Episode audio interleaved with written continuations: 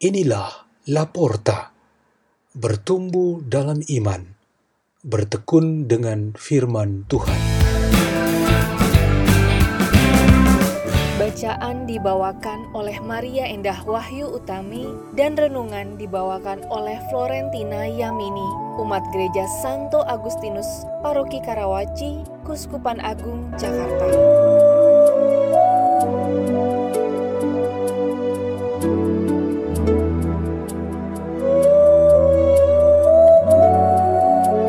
Bacaan dan Renungan Sabda Tuhan Rabu, Pekan Biasa ke-32 11 November 2020 Peringatan Santo Martinus dari Tours, Uskup.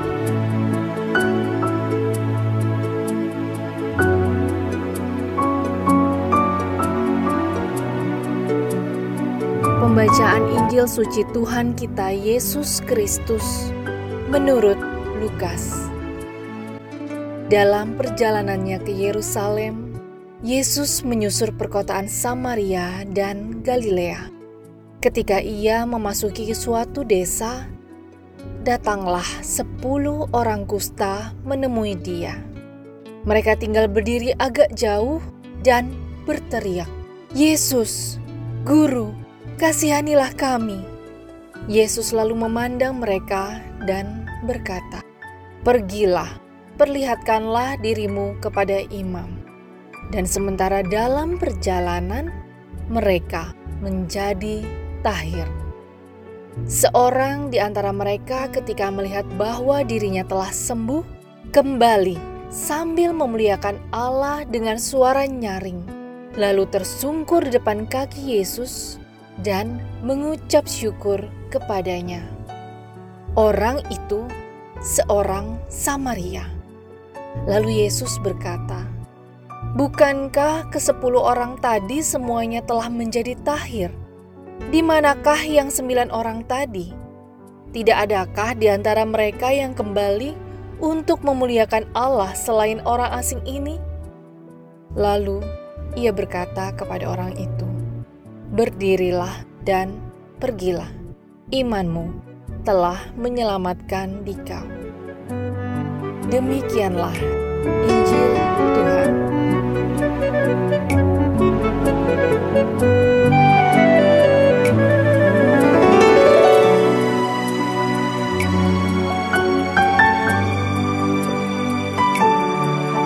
Renungan kita pada hari ini bertema Minta lebih daripada sembuh. Santo Martinus, Uskup dari Tours, Prancis, dikenal juga dengan sebutan seorang santo kemurahan hati.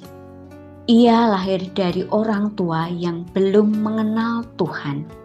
Bapaknya seorang tentara Romawi dan pada masa mudanya ia sudah menjadi tentara. Pada usia 18 tahun, ia dibaptis menjadi Katolik. Satu kisahnya yang terkenal ialah ketika sebagai tentara di daerah Gul, sekarang Prancis. Suatu saat kembali dari tugas ketentaraan sambil menunggang kudanya. Ia menemui seorang pengemis yang mati kedinginan. Martinus hanya mempunyai mantel ketentaraan yang melekat pada tubuhnya. Ia memotong mantel menjadi dua setengahnya itu dipakaikan kepada pengemis itu. Sesampai di gereja, ia berdoa, dan dalam penglihatan ia temukan Yesus yang memakai setengah mantelnya tadi. Martinus selalu meninggalkan dunia ketentaraan dan masuk rahib Benediktin. Kemudian diangkat menjadi uskup di Tours. Sejalan dengan tindakan Santo Martinus, Santo Ambrosius dari kota Milan pernah dalam khotbahnya mengatakan, perut-perut orang miskin, rumah-rumah para janda, mulut-mulut anak-anak merupakan gudang harta yang bertahan sampai selama-lamanya. Menolong mereka adalah harta yang menjamin kehidupan kita di surga. Allah akan melimpahi mereka yang memberikan dengan kemurahan hati orang-orang yang berkekurangan. Sepuluh orang kusta yang dikisahkan dalam Injil hari ini termasuk dalam golongan ini. Mereka meminta untuk disembuhkan, seperti orang-orang miskin meminta uang dan makanan. Permintaan ini menarik karena dua alasan.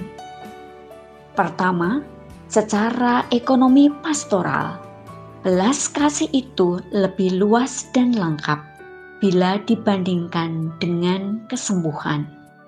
Mereka meminta langsung yang besar, sehingga secara otomatis yang kecil sudah termasuk di dalamnya. Pengemis meminta lebih daripada pakaian atau mantel Martinus. Kesepuluh kusta meminta supaya mereka diterima, dihilangkan sekat-sekat permusuhan, dimengerti diampuni kesalahan, dan diberkati oleh Tuhan. Mereka meminta pemulihan dan kesembuhan yang utuh. Kedua, secara iman mereka meminta kepada pihak atau pribadi yang tepat, yaitu Tuhan. Kalau yang diminta bukan Tuhan, sangat mungkin yang diberi hanya kesembuhan sebagian saja atau yang tidak sempurna. Karena pihak yang diminta adalah Tuhan, kita percaya kalau Dia sumber segala kebaikan dan kebenaran. Dia memiliki semuanya, belas kasih dan rahmat kesembuhan dia memberikan pemulihan jiwa dan raga sekaligus.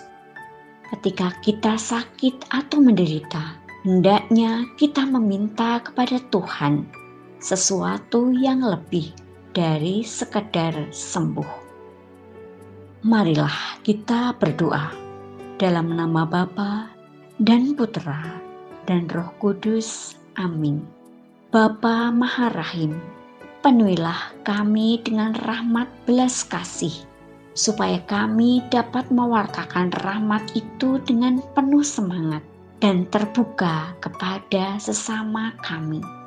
Kemuliaan kepada Bapa dan Putra dan Roh Kudus, seperti pada permulaan, sekarang, selalu, dan sepanjang segala abad.